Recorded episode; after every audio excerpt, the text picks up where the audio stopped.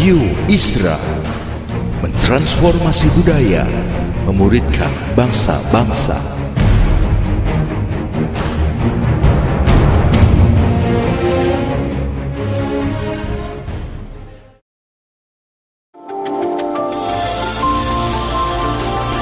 Voice of Pradaim menyuarakan paradigma kebenaran firman Tuhan yang esensi untuk memperlengkapi Anda menggenapi misi dan panggilan ilahi. Selamat mendengarkan.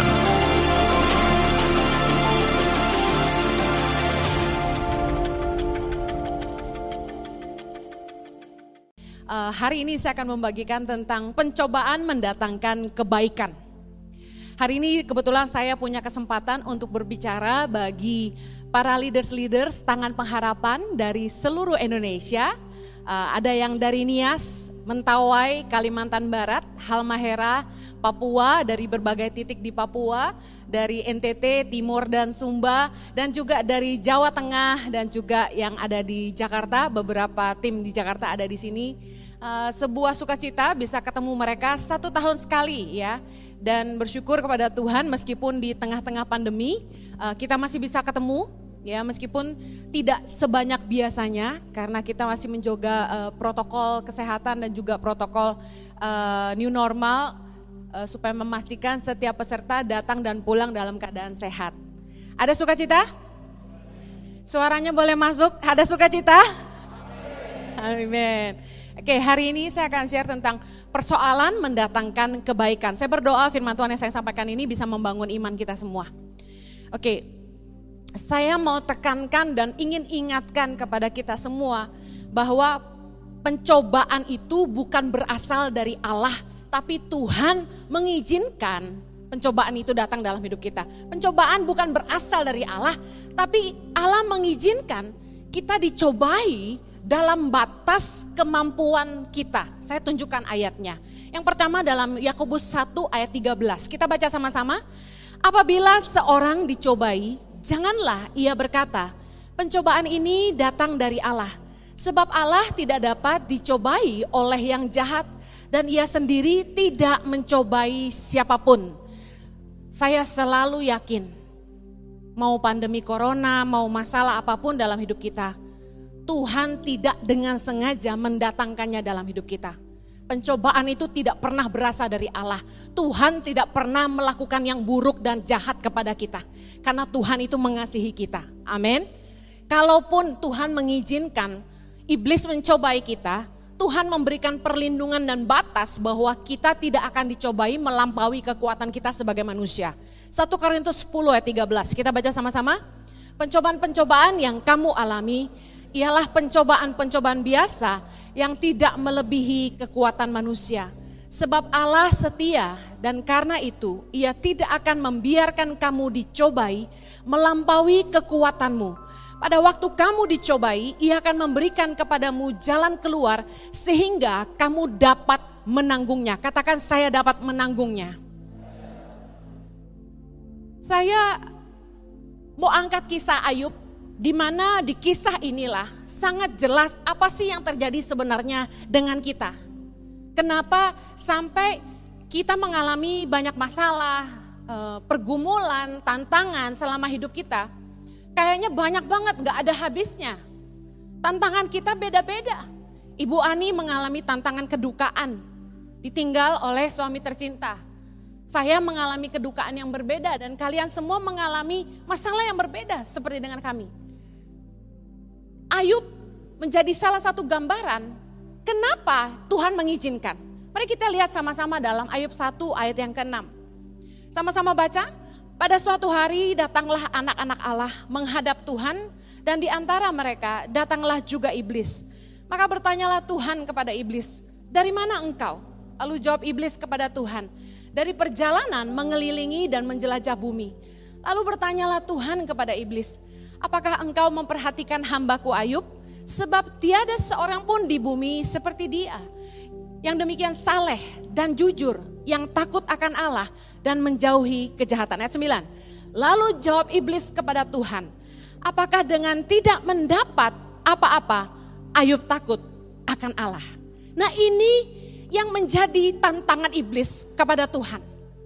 Apakah kalau tidak mendapat apa-apa, Ayub takut akan Allah? Mari bertanya kepada dirimu hari ini. Kalau doamu sudah dijawab, apakah engkau takut akan Allah? Hari ini kalau engkau tidak mendapat apa-apa, apakah engkau akan tetap takut akan Allah? Saya percaya pencobaan itu diizinkan oleh Tuhan datang dalam hidup kita untuk menguji iman dan hati kita. Katakan amin.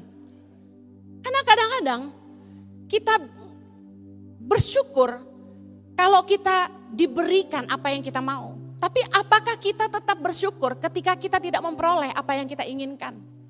Jomblo nggak laku-laku. Masih bersyukur nggak? Ricci udah nggak jomblo tahun ini, puji Tuhan. Ayub 1 ayat 10, iblis bilang gini sama Tuhan. Bukankah engkau yang membuat pagar sekeliling dia dan rumahnya serta segala yang dimilikinya? Apa yang dikerjakannya telah kau berkati dan apa yang dimilikinya makin bertambah di negeri itu. Ayat 11, iblis nantang Tuhan. Tetapi ulurkanlah tanganmu dan jamalah segala yang dipunyainya ia pasti mengutuki engkau di hadapanmu. Bukankah kita sering begitu? Ya Grace ya. Ayat 12. Maka firman Tuhan kepada iblis. Nah segala yang dipunyainya, ini Tuhan yang ngomong. Ada dalam kuasamu, hanya janganlah engkau mengulurkan tanganmu terhadap dirinya. Yakinlah Tuhan gak akan pernah membiarkan iblis mencobai kita melebihi batas kemampuan kita anak-anak Tuhan akan selalu dilindungi Tuhan. Katakan amin. Kemudian pergilah iblis dari hadapan Tuhan. Saya percaya pencobaan itu bukan berasal dari Tuhan. Kalau ada yang tanya, Ibu Heni, apakah corona Tuhan yang datangkan? Saya bilang bukan. Tuhan tidak pernah mendatangkan kecelakaan. Tapi Tuhan mengizinkan kita diuji. Supaya kita mengerti seberapa murni hati kita mengasihi Tuhan. Apakah kita sungguh-sungguh punya iman? Iblis nantang Tuhan dan apa yang iblis sampaikan ini itu benar. Karena kebanyakan kita cuma mau pujian tapi tidak mau ujian. Banyak dari kita mau berkatnya tapi tidak mau menghadapi tantangannya. Tuhan mengizinkan kita diuji tapi iblis yang mencobai. Di Alkitab ini dalam terjemahan bahasa Indonesia, kata yang dipakai itu pencobaan. Tapi sebenarnya di beberapa ayat dalam bahasa aslinya tuh digunakan dua kata. Temptation yaitu pencobaan dan test, ujian. Yang dari Tuhan, yang diizinkan Tuhan adalah ujian, test. Tapi yang dari iblis adalah temptation, pencobaan. Makanya Yesus mengajar kita, dalam doa Bapa kami, jauhkanlah kami dari segala pencobaan. Artinya apa? Supaya iblis jangan sampai mencoba kita. Saya ingin kita uji hati kita sendiri. Ketika iman dan ketaatan kita diuji kepada Tuhan oleh oleh iblis, ya, apakah kita benar-benar masih bersyukur sama Tuhan kalau doa kita nggak dijawab? Apakah kita tetap percaya sama Tuhan kalau kita tidak diberkati? Saya mau saya mau bilang ini nggak gampang. Apakah kita tetap bersyukur waktu hidup kita pas-pasan? Saya ingin mengingatkan ada lima hal yang Tuhan ingatkan. Reaksi kita di tengah-tengah pergumulan. Waktu pencobaan itu diizinkan terjadi dalam hidup kita. Ketika kita harus menghadapi padang gurun. Ketika kita harus menghadapi kesusahan, kesulitan, ujian, masalah. Ada peringatan yang Tuhan berikan mengacu kepada pengalaman Tuhan bersama bangsa Israel. Ada lima hal yang Tuhan ingatkan dalam 1 Korintus 10 ayat 1 sampai 13. Kita nggak akan baca semua. Yang Tuhan ingatkan, yang pertama, judul perikopnya 1 Korintus 10 1 sampai 13 itu gini. Israel sebagai suatu peringatan. Oleh karena itu kita harus ingat-ingat pesan Tuhan dari pengalaman Tuhan dengan bangsa Israel. Hal pertama yang kita harus ingat ketika menghadapi pergumulan. Nomor satu, jangan berbuat jahat. 1 Korintus 10 ayat 6 bilang gini, supaya jangan kita menginginkan hal-hal yang jahat seperti yang telah mereka perbuat. Ketika kita menghadapi masalah, tantangan untuk berbuat jahat itu ada. Saya kasih contoh. Ketika duit kurang, ketika uang pas-pasan, lalu ada kesempatan untuk mencuri. Saya yakin, kadang-kadang maksud hati tidak niat mencuri. Maksud hati tidak niat menipu. Tapi butuh. Firman Tuhan ingatkan, di tengah-tengah masa ujian jangan sampai kita berbuat jahat. Itu peringatan yang pertama. Ketika kita sedang diuji, keputusan apa pun yang kita mau ambil, contoh diputusin pacar. Pacar itu selingkuh. Kita diuji kan? Apa reaksi kita? Jangan berbuat jahat. Artinya apa? Jangan balas kejahatan dengan kejahatan. Relakan. Tidak perlu disantet. Ada orang join bisnis sama kita, kerjasama. Lalu nipu. Kita diuji, kita sedang menghadapi ujian. Ingat firman Tuhan, peringatan. Jangan berbuat jahat. Gak usah balas kejahatan dengan kejahatan. Relakan. Belajar dari Ishak waktu dia gali sumur, direbut oleh bangsa Filistin. Ishak relakan. Apakah Ishak jadi miskin? Tidak. Tuhan buat sumur yang digali Ishak di mana pun berbual-bual. Saya mau kasih tahu, orang boleh curi apa yang menjadi bagian kita, tapi penyertaan Tuhan tuh tidak pernah pindah.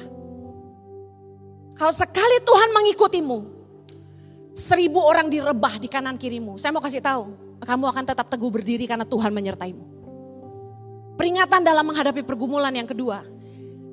Jangan lari kepada Allah lain. 1 Korintus 10 ayat 7 supaya jangan kita menjadi penyembah-penyembah berhala sama seperti beberapa orang dari mereka.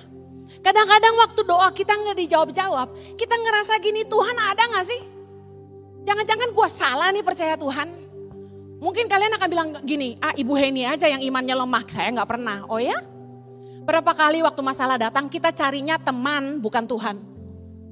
Berapa banyak ketika masalah datang kita carinya orang lain dan bukan Tuhan. Penyembahan berhala berarti begini, kita menempatkan yang lain lebih dari Tuhan dalam hidup kita.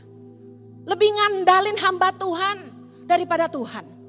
Saya jujur udah berkali-kali ngomong, kalau lagi bergumul punya masalah, jangan curhatnya ke hamba Tuhan. Kenapa? Belum tentu dia peduli sama hidupmu dan belum tentu nasihatnya yang terbaik buat kamu. Apalagi banyak orang yang suka ngejar-ngejar hamba Tuhan, udah tahu hamba Tuhannya jaim masih dikejar juga. Boleh saya minta waktu ketemu untuk cerita masalah saya? Dia tahu nggak hamba Tuhan juga masalahnya banyak. Saya mau kasih tahu, saya dalam hidup saya nggak pernah curhat. Mau ke teman, mau ke hamba Tuhan. Kalau saya kesel, saya ngomong aja. Misalnya keselnya sama siapa? Kesalnya sama Krista. Saya ngomong aja sama Krista. Kenapa kamu gini, gini, gini, gini? Selesai masalahnya. Ngapain curhat? Kalau kamu curhat ke orang lain, beritanya udah beda lagi nanti nyampe nya. Saya kesal sama Tina sama Lina di rumah. Saya ngomong sama mereka. Sehingga masalahnya selesai. Nggak perlu lari-lari nangis-nangis ke orang. Abu pergumulannya berat sekali. Saya tiap kali punya masalah. Saya lari ke Tuhan. Karena bagi saya gini, yang paling cinta saya cuma Tuhan. Yang paling ngerti saya cuma Tuhan. Yang mampu tolong saya cuma Tuhan. Kenapa lari ke manusia? Pelajaran dari bangsa Israel. Ketika mereka menghadapi masalah di padang gurun, mereka bosan, mereka bergumul. Mereka malah sibuk kumpulin emas, bikin patung. Bukankah kita juga begitu? Saya nggak tahu siapa berhala dalam hidup Anda. Tapi dengar baik, Allah kita Allah yang penjemburu. Di tengah persoalan, selalu datang sama Tuhan. Yang berikutnya yang ketiga, peringatan dalam menghadapi pergumulan, jangan tidak setia kepada Tuhan kata firman Tuhan. 1 Korintus 10 ayat 8. Janganlah kita melakukan percabulan seperti yang dilakukan oleh beberapa orang dari mereka. Saya tuh kadang-kadang geleng-geleng. Kalau orang Kristen udah mulai curhat banyak masalah. Kemudian saya saya saya bilang gini, kerja apa pun tidak diberkati. Hidupnya penuh dengan misteri. Selalu banyak masalah. Saya bilang gini, kamu hidup dalam dosa ya? Selesai. Karena gini, firman Tuhan jelas. Tangan Tuhan bukan kurang panjang untuk menolong, telinganya bukan kurang tajam untuk mendengar. Tapi yang memisahkan engkau dan Allahmu adalah dosa-dosamu. Ada pasangan pacaran, berantem terus. Berantemnya parah. Mau nikah tapi berantem terus. Ternyata ketahuan, udah kumpul kebo. Gak jaga kekudusan. Kalau orang pacaran udah gebuk-gebukan, pacaran udah kasar, pacaran udah gak ada nilai penghargaan. Saya langsung bilang gini, kamu gak jaga kekudusan. Karena efek dari dosa selalu membawa duka cita. Rumah tangga yang awal-awalnya itu penuh dengan pertengkaran, penuh dengan air mata, gak bahagia. Coba cek, waktu pacaran gak jaga kekudusan. Jadi anak-anak muda denger nih banyak yang jomblo. Jangan asik-asik, esek-esek. Saya kasih tahu, bayar harganya nanti kalau nikah. Banyak orang yang gak jaga kekudusan waktu pacaran, nikahnya gak menemukan kepuasan. Selingkuh gak bisa habis akhirnya. Kalau kita mau diberkati Tuhan, hiduplah dalam kebenaran. Jangan hidup dalam percabulan. Yang keempat, peringatan dalam menghadapi pergumulan. Jangan mencobai Tuhan. 1 Korintus 10 ayat 9. Janganlah kita mencobai Tuhan seperti yang dilakukan oleh beberapa orang dari mereka. Mencobai Tuhan tuh gini. Saya diingatkan tentang Yesus. Dalam uh, ujian, pencobaan yang dialami Yesus, dengar, kalau kita dicobai, itu biasa. Karena Yesus pun dicobai. Ingat waktu Yesus ber, uh, puasa di padang gurun 40 hari, dibawa oleh roh kudus ke padang gurun, untuk dia apa? Dicobai oleh iblis. Dibawa sama iblis ke tiga tempat. Ingat, salah satu pencobaan yang dilakukan oleh iblis kepada Yesus adalah Yesus dibawa ke atas bubungan bait Allah. Lalu Yesus disuruh terjun ke bawah dengan kata-kata gini, aku mendengar tentang engkau bahwa dia akan mengirimkan malaikatnya untuk menatang kakimu. Ayo terjun, pasti kamu selamat. Iblis tantang gitu. Saya mau kasih tahu gini. Yesus, saya yakin punya ilmu terbang. Saya yakin kalaupun Yesus betul-betul terjun dari bubungan bait Allah, Yesus tidak akan celaka. Anda yang percaya angkat tangan sama saya. Kalau Yesus benar-benar terjun dari hubungan bait Allah. Apa sih yang sulit buat Yesus benar gak? Cueh, ambil lu dari tanah, dibulet-bulet, masukin jadi mata. Yesus mau dijorokin dari tebing oleh orang banyak. Apa yang Yesus lakukan? Santai aja dia, jalan di tengah-tengah mereka, menghilang. Di tengah orang banyak Yesus hilang. Apalagi? Bagaimana? Jalan di atas air. Bayangin, Yesus bisa jalan di atas air, masa nggak bisa terbang? Aduh, saya tuh berdoa karunia Yesus tuh turun ke saya gitu loh. Bisa jalan di atas air. Jadi kan saya nggak usah belajar berenang. Kalau kita ke Papua, kita aman. Punya satu jurus Yesus saja jalan di atas air, saya bahagia sekali. Dengar baik, Yesus bisa ubah batu jadi roti. Tapi Yesus nggak lakukan. Menarik sekali ketika disuruh terjun dari bubungan bait Allah. Yesus bilang gini, jangan mencobai Tuhan Allahmu. Artinya gini, masalah tuh jangan dicari. Jangan sok jagoan iman. Uh, orang Kristen zaman sekarang pakai kalung besar sekali. Saya mau kasih tahu, mau kalungmu sebesar apa bentuk salib, kalau kamu tidak jaga diri pasti kena covid. Yakin enggak? Saya mau bilang, jangan tantang Tuhan. Ada yang menyepelekan protokol kesehatan, ada yang menyepelekan larangan pemerintah untuk tidak menjalankan ibadah. Tahu kan kecaman-kecaman orang-orang Kristen Farisi? Mana imanmu? Masa baru covid aja udah nggak ibadah? Cari Tuhan dong. Saya kasih kabar teman-teman. Ada yang berani pergi onsite khotbah kena corona. Jangan main-main, jangan mencobai Tuhan, ikuti aja aturan. Ada amin? Kalau kita lagi diuji, jangan malah mencobai. Jangan sok-sok nantang Tuhan. Tuhan, kalau engkau tidak bantu aku bayar hutangku, aku bunuh diri. Aku kalau jadi Tuhan bilang gini, bunuh diri aja. Jangan mencobai Tuhan. Tuhan, kalau umur 30 ini udah kawin-kawin, aku mati aja. Kira-kira kawin gak? Nikah sama kawin beda saudara. Udah kalau lagi di pergumulan jangan mencobai Tuhan. Udah tahu beda agama. Udah tahu karakternya parah.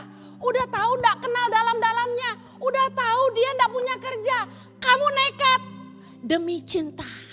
Jangan mencobai Tuhan. Di tengah-tengah pergumulan cari pasangan, jangan sembarangan. Jangan mencobai Tuhan. Nanti Tuhan sanggup menyelamatkan kami dalam pernikahan. Ngimpi aja lo, pendeta aja banyak yang cerai. Jangan macam-macam. Peringatan dalam menghadapi pergumulan. Poin yang kelima, Jangan bersungut-sungut tapi bersyukur. 1 Korintus 10 ayat 10 bilang, janganlah bersungut-sungut seperti yang dilakukan oleh beberapa orang dari mereka. Aduh bangsa Israel itu terkenal di padang gurun itu cuma satu, sungut-sungut. Keterlaluan. Tahu nggak sungut-sungutnya mereka apa? Mereka bilang gini, dalam keluaran 14 ayat 12. Bukankah ini telah kami katakan kepadamu di Mesir? Marahin Musa. Kayak kalian gini marahin saya ceritanya Bukankah ini telah kami katakan kepadamu di Mesir? Janganlah mengganggu kami dan biarlah kami bekerja pada orang Mesir. Sebab lebih baik bagi kami untuk bekerja pada orang Mesir daripada mati di padang gurun ini. Wih Musa diamukin rakyat segitu banyaknya. Makanya Musa frustasi. Saya mulai ngerti jadi pemimpin itu tidak mudah. Frustasi bos. Punya bawahan tidak menghargai. Makanya Yesus sampai bilang gini. Memang nabi itu tidak dihargai di rumahnya sendiri. Cuma dihargai di mana-mana. Makanya kita lebih senang ke mana-mana daripada di rumah sendiri. Haleluya. Bilangan 14 ayat 3 bilang gini. Mengapakah Tuhan membawa kami ke negeri ini supaya kami tewas oleh pedang dan istri serta anak-anak kami menjadi tawanan? Bukankah lebih baik kami pulang ke Mesir? Kalau saya jadi Tuhan ya, bangsa Israel ini gue pites juga. Tapi benar ya, sebanyak kebanyakan dari mereka tidak masuk tanda perjanjian kan? Saya bisa ngerti tau gak? Kenapa ngerti? Kesel Tuhan sama orang-orang yang gak tahu diri. Di Mesir itu mereka itu sengsara. Di Mesir itu mereka disiksa. Ayatnya keluaran 3 ayat 7. Dan Tuhan berfirman, aku telah memperhatikan dengan sungguh kesengsaraan umatku di tanah Mesir. Aku telah mendengar seruan mereka yang disebabkan oleh pengerah-pengerah mereka. Ya, aku mengetahui penderitaan mereka. Bangsa Israel itu kenapa diselamatkan Tuhan keluar dari Mesir? Karena mereka-mereka disiksa. Jadi budak rodi. Makanya Musa bangkit dan membunuh salah satu serdadu Mesir. Karena melindungi bangsa Israel. Keluaran 3 ayat 9. Sekarang seruan orang Israel itu telah sampai kepadaku juga telah kulihat betapa kerasnya orang Mesir menindas mereka jadi keadaan bangsa Israel di Mesir tuh gak baik. Disiksa, ditindas. Bilangan 20 ayat 15. Bahwa nenek moyang kami pergi ke Mesir dan kami lama diam di Mesir. Dan kami dan nenek moyang kami diperlakukan dengan jahat oleh orang Mesir. Lah di Mesir apa mereka baik keadaannya? Enggak. Tapi mereka bilang sama Musa, lebih baik kami kerja pada orang Mesir daripada mati di padang gurun. Padahal apa sih kesusahan mereka di padang gurun ya ampun. Ya ampun, secara waktu, tahukah bangsa Israel itu menderita di Mesir 430 tahun. Bandingannya 10 persen, mereka cuma sengsara di padang gurun 40 tahun. Di 40 tahun mereka di padang gurun itu, tidak ada apa-apanya dibandingin penderitaan mereka 430 tahun di Mesir. Di padang gurun mereka susahnya apa coba? Makanan terbatas mana dan burung puyuh. Bosan juga ya, betul nggak? Berapa banyak kita yang mulai bosan? Gini-gini terus, nggak kaya-kaya gue. Too much complaints. Kita banyak kali mengeluh dengan keadaan kita, nggak ada bersyukurnya. Kita bilang, dulu waktu masih dunia, kayaknya hidup lebih bahagia, bebas bikin apa aja, bisa nipu orang kita jadi kaya. Ikut Tuhan kita menderita. Harus taat firman Tuhan, jaga kekudusan. Aduh, jadi orang Kristen cemen juga. Saya mau kasih tahu. Keluhan-keluhan kita itu enggak masuk akal. Kok jadi budak dosa lebih bahagia daripada merdeka di dalam Allah? Sementara di padang gurun, Tuhan menyertai mereka dengan tiang awan, tiang api. Tuhan menyertai mereka dengan burung puyuh dan mana roti. Roti mana tuh pasti enak banget, saya kan suka roti. Mana tuh pasti roti terbaik di dunia. Bayangkan, gak ada rasa syukurnya. Kasut yang mereka pakai di kaki mereka tidak jadi rusak pakaian mereka tidak jadi rusak. Betapa setianya Tuhan menyertai mereka. Ketika mereka berperang melawan bangsa-bangsa yang mereka hadapi selama 40 tahun itu, Tuhan menyertai mereka. Bangsa lain selalu kalah. Tapi tetap bangsa Israel mengeluh. Saya mau tutup dengan ini. Mengapa sih Tuhan mengizinkan kita mengalami pencobaan? Yang pertama, untuk merendahkan hati kita. Supaya kita itu belajar mengandalkan Allah. Kadang-kadang kita tuh terlalu sombong. Berpikir kita hebat. Berpikir kita jagoan. Ulangan 8 ayat yang kedua dan ketiga. Kita baca sama-sama. Ingatlah kepada seluruh perjalanan yang kau lakukan atas kehendak Tuhan Allahmu. Di padang gurun selama 40 tahun ini. Dengan maksud merendahkan hatimu dan mencoba engkau untuk mengetahui apa yang ada dalam hatimu, yakni apakah engkau berpegang pada perintahnya atau tidak. Jadi ia merendahkan hatimu, membiarkan engkau lapar dan memberi engkau makan mana yang tidak kau kenal dan juga tidak dikenal oleh nenek moyangmu untuk membuat engkau mengerti bahwa manusia hidup bukan dari roti saja, tapi manusia hidup dari segala yang diucapkan Tuhan. Pandang gurun mengajar bangsa Israel. Masalah mengajar kita supaya kita belajar rendah hati dan mengandalkan Tuhan. Saya percaya masa COVID-19 ini, masa pandemi ini telah mengajar kita satu hal kita pikir kita akan kekurangan. Kita pikir kita akan susah. Tapi bukankah Tuhan setia? Saya sudah cerita ini di beberapa khotbah saya. Dulu dengan sok gagah perkasa, saya terima jadwal undangan khotbah ke mana-mana sampai nggak ada berhentinya. Sampai kelelahan sendiri, sampai sakit sendiri masuk rumah sakit karena pinggang. Kena karena ngangkat koper terlalu berat. Saya saya dibilang sama suami saya, kalau kamu tidak terima pelayanan, nanti yayasan kekurangan dana. Jadi kamu harus bantu saya jualan merchandise ke mana-mana. Uh, sok pahlawan kami berdua. Uh, pahlawan kesiangan. Khotbah terus. Pagi, siang, malam. Pagi-pagi saya udah cantik. Udah dandan. Staff doa saya lagi make up. Masih ingat teman-teman? Pergi khotbah. Pulang, makan siang sebentar, jalan lagi. Nanti malam, khotbah lagi. Sok jagoan, badan rontok, jiwa kering, hubungan rusak, sama anak gak ketemu, sama staf gak diurus. Hancur berantakan sebenarnya semuanya. Tapi sok jadi heroik. Nanti uang yayasan gak cukup, pergi dengan satu motivasi yang salah. Kita pikir kita bisa nolong Tuhan padang gurun mengajar kami. Ketika pandemi datang, pelayanan terhenti, tidak bisa jualan lagi. Apakah kita susah? Tuhan membuktikan dia setia. Pandemi ini mengajar saya khususnya. Hidup mengandalkan Allah.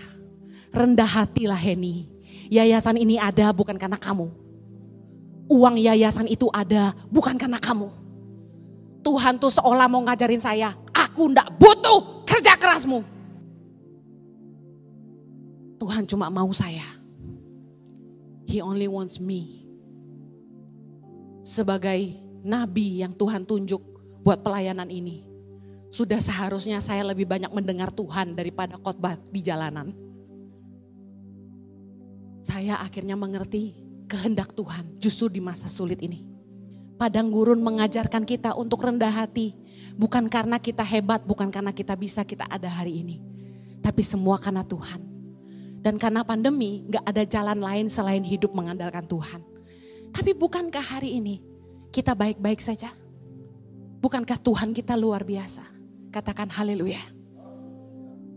Saya mau bilang gini, apa sih masalah kalian? Apa sih pergumulan kalian? Apa sih kesusahan kalian? Mungkin masalah kalian beda dengan saya. Tapi firman Tuhan ini, Tuhan ingatkan untuk saya sampaikan. Lukas 18 ayat 7 sampai 8. Baca sama-sama. Tidakkah Allah akan membenarkan orang-orang pilihannya yang siang malam berseru kepadanya? Dan adakah ia mengulur-ngulur waktu sebelum menolong mereka? Aku berkata kepadamu, ia akan segera membenarkan mereka. Akan tetapi jika anak manusia itu datang, apakah ia mendapati iman di bumi? Dengar baik, pencobaan itu cuma ujian kepada iman kita.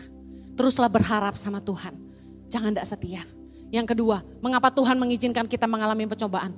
Untuk menguji ketaatan kita dan mengajar kita untuk hidup takut akan Allah. Ulangan 8 ayat yang kedua. Bersama-sama baca. Ingatlah kepada seluruh perjalanan yang kau lakukan atas kehendak Tuhan Allahmu di padang gurun selama 40 tahun ini. Dengan maksud merendahkan hatimu dan mencobai engkau untuk mengetahui apa yang ada dalam hatimu. Yakni apakah engkau berpegang pada perintahnya atau tidak maka haruslah engkau insyaf bahwa Tuhan Allahmu mengajari engkau seperti seorang mengajari anaknya. Oleh sebab itu haruslah engkau berpegang pada perintah Tuhan Allahmu dengan hidup menurut jalan yang ditunjukkannya dengan takut akan dia. Kadang-kadang sebagai manusia kita tuh nggak jujur sama hati sendiri. Bahkan kadang-kadang saking sibuknya kita, kita nggak pernah punya waktu untuk merefleksi diri dan menemukan isi hati kita yang sesungguhnya. Padang gurun, masa ujian, membuat kita akhirnya ngerti ternyata hati saya begini. Dan menguji ketaatan kita, apakah kita sebenarnya hidup takut akan Tuhan. Dalam kesulitan apa pun, jangan sampai ngambil keputusan yang tidak takut akan Tuhan. Pastikan kita tetap hidup di dalam kebenaran. Pergumulan masalah dipakai Tuhan untuk membersihkan kita dari cara-cara hidup kita yang lama. Memulihkan cara berpikir kita cara pandang kita, melucuti mentalitas budak dosa dari hidup kita. Bangsa Israel itu tinggal di Mesir 430 tahun. Tadi saya sudah katakan. Tuhan tahu bahwa gaya hidup orang Mesir, gaya hidup orang Mesir bicara soal gaya hidup dunia. Itu melekat dalam hidup mereka. Dan bahkan mentalitas budak. Mereka 430 tahun ditindas ada mentalitas budak yang melekat. Bicara soal apa? Mentalitas budak dosa melekat dalam hidup kita ketika kita hidup di dunia. Tuhan mengizinkan padang gurun datang dalam hidup kita. Pencobaan masalah datang, ujian datang. Supaya apa? Merontokkan Mesir dari hidup kita. Merontokkan mentalitas budak. Mentalitas budak dosa. Merontokkan gaya hidup dunia dari hidup kita. Makanya firman Tuhan berkata, Berubahlah oleh pembaruan budimu. Jangan pernah jadi sama dengan dunia ini. Karena Tuhan mau kalau kita ikut Tuhan pakai cara hidup yang baru. Taat sama firman. Semakin cepat engkau taat dan merendahkan hatimu, masalahmu cepat selesai. Karena tujuan padang gurun itu diberikan cuma satu, melucuti Mesir dari hidupmu. Yang ketiga, mengapa Tuhan mengizinkan kita mengalami pencobaan? Untuk mengajar kita supaya tidak tinggi hati dan melupakan Tuhan. Ulangan 8 ayat 11 sama-sama. Hati-hatilah supaya jangan engkau melupakan Tuhan Allahmu dengan tidak berpegang pada perintah, peraturan, dan ketetapannya yang kusampaikan kepadamu pada hari ini. Dan supaya apabila engkau sudah makan dan kenyang, mendirikan rumah-rumah yang baik serta mendiaminya. Dan apabila lembu sapimu dan kambing dombamu bertambah banyak, dan emas serta perakmu bertambah banyak, dan segala yang ada padamu bertambah banyak. 14, jangan engkau tinggi hati sehingga engkau melupakan Tuhan Allahmu yang membawa engkau keluar dari tanah Mesir, dari rumah perbudakan. Kecenderungan manusia itu selalu melupakan Tuhan di masa kelimpahan. Entah kenapa. Ayo jujur yuk, saya pun ngalami. Kayaknya ketika semua baik-baik aja dan tidak ada masalah, rasa nyaman itu membuat kita jauh dari hadirat Tuhan. Sifat manusia naturalnya itu gini. Kalau susah baru ingat sahabat. Ada kan teman-teman yang gitu kan kalau susah baru cari kita? Lupa sama teman di masa susah. Kalau udah kaya, goodbye my friend.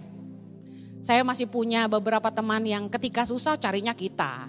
Udah kaya, haleluya. Kebaikan dilupakan, tapi kesalahan diingatkan.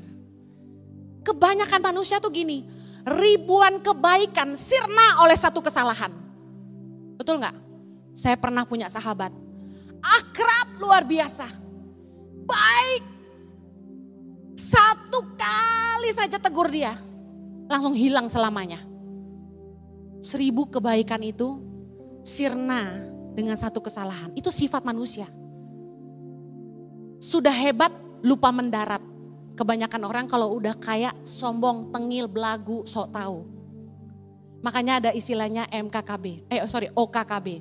Orang kaya baru. Jangan pernah tinggi hati. Ingat-ingatlah hari ini. Di saat kamu sedang melewati padang gurun, ketika kamu belum duduk di tempat yang bisa dikatakan nyaman dan semua serba berkelimpahan. Ingat-ingatlah hari ini. Supaya suatu hari nanti ketika engkau diberkati dengan keuangan dan kelimpahan. Engkau enggak lupa sama Tuhan yang telah mengantarmu dengan setia dari tempat di mana engkau berada. Saya yakin hari ini dan dan apa yang ada di masa depan tidak akan pernah terpikirkan betapa luar biasanya Tuhan sanggup membawa kita ke tempat yang kita sendiri tidak pernah pikirkan. Amin. Yang terakhir, mengapa Tuhan mengizinkan kita mengalami pencobaan? Supaya kita mengalami kebaikan Tuhan. Ulangan 8 ayat 15. Dan yang memimpin engkau melalui padang gurun yang besar dan dahsyat itu dengan ular-ular yang ganas serta kala jengkingnya dan tanahnya yang gersang yang tidak ada air. Ia membuat air keluar bagimu dari gunung batu yang keras. Dan yang di padang gurun memberi engkau makan mana yang tidak dikenal oleh nenek moyangmu. Supaya direndahkannya hatimu dan dicobainya engkau hanya untuk berbuat baik kepadamu akhirnya. Saya mau katakan gini, masa-masa susah itu masalah, masa-masa yang penuh kebahagiaan sebenarnya. Kenapa? Saya gambarkan dalam hubungan manusia aja. Waktu saya sama Jojo baru merintis hidup, sama-sama mulai dari nol. Nah pacaran dan bangun keluarga dengan orang yang sama-sama mulai dari nol tuh asik. Kalau zaman sekarang carinya yang udah kaya, ya kan? Nah, kalau yang mulai merintis dari nol itu asik. Kenapa? Ada momen-momen bahagia yang kita bisa temukan dan tidak terlupakan. Contoh, dulu kami uangnya nggak seberapa kami cuma bisa beli nasi goreng kambing di kebun siri itu satu bungkus berdua. Tapi indah dan nikmatnya luar biasa tak terlupa. Sampai hari ini saya masih ingat rasanya. Betapa luar biasanya satu bungkus nasi goreng kambing itu kami suap-suapan berdua. Waktu masih baru merintis keluarga, anak belum ada. Gaji maaf tidak seberapa kami itu dari muda memang orang yang sudah terpanggil pelayanan, jadi uang tuh enggak jadi ukuran. Saya percaya kalian juga sama. Uang enggak seberapa, jadi ngirit luar biasa. Dari umur 25 sebelum nikah, kami tuh sudah nyicil rumah sama-sama. Jadi uangnya kami gabung, kami cicil rumah, sisanya bisa kebayang dong tinggal berapa gitu kan. Nah, di saat uang enggak seberapa itu, kami ngirit banget. Makan apa adanya. Saya kemampuan masak terbatas. Akibatnya ya Pak Jojo sedikit menderita. Tapi luar biasanya dengan penuh cinta dia tidak pernah marah. Tidak pernah berkeluh kesah. Makan apa adanya. Momen-momen itu indah luar biasa. Tapi ketika uang sudah mulai ada. Kenikmatan sudah mulai meningkat. Kepedasan bisa marah. Jadi saya mau ingatkan gini di masa-masa susah, temukan kenikmatan-kenikmatan yang kamu tidak akan pernah lupa. Masa kesusahan adalah pengalaman dengan Tuhan yang tidak akan pernah terlupakan. Bagaimana Tuhan menolong saya melewati hari demi hari.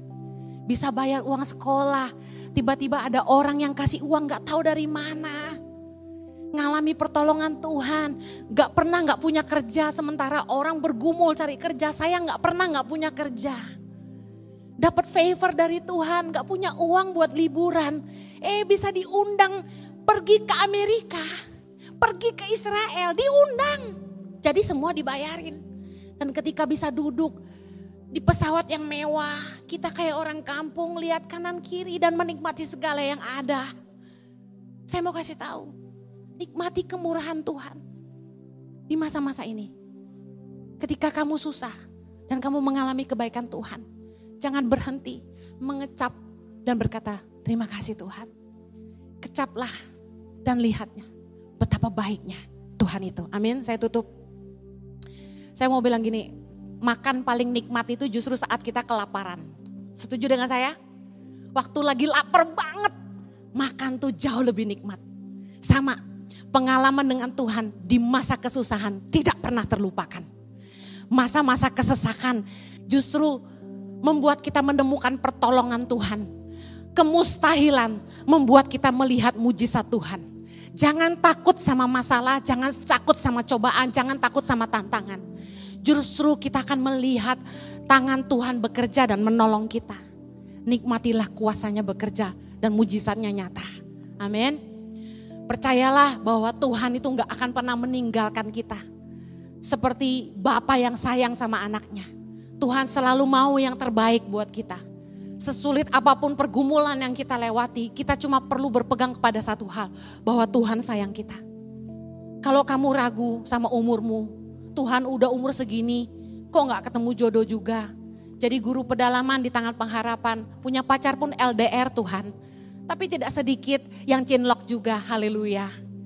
Amin. Tapi saya mau bilang gini, kalau kamu sungguh-sungguh hidup mengandalkan Tuhan, kamu sungguh-sungguh mengasihi Tuhan, bilang sama dirimu, Tuhan lebih peduli hidupku.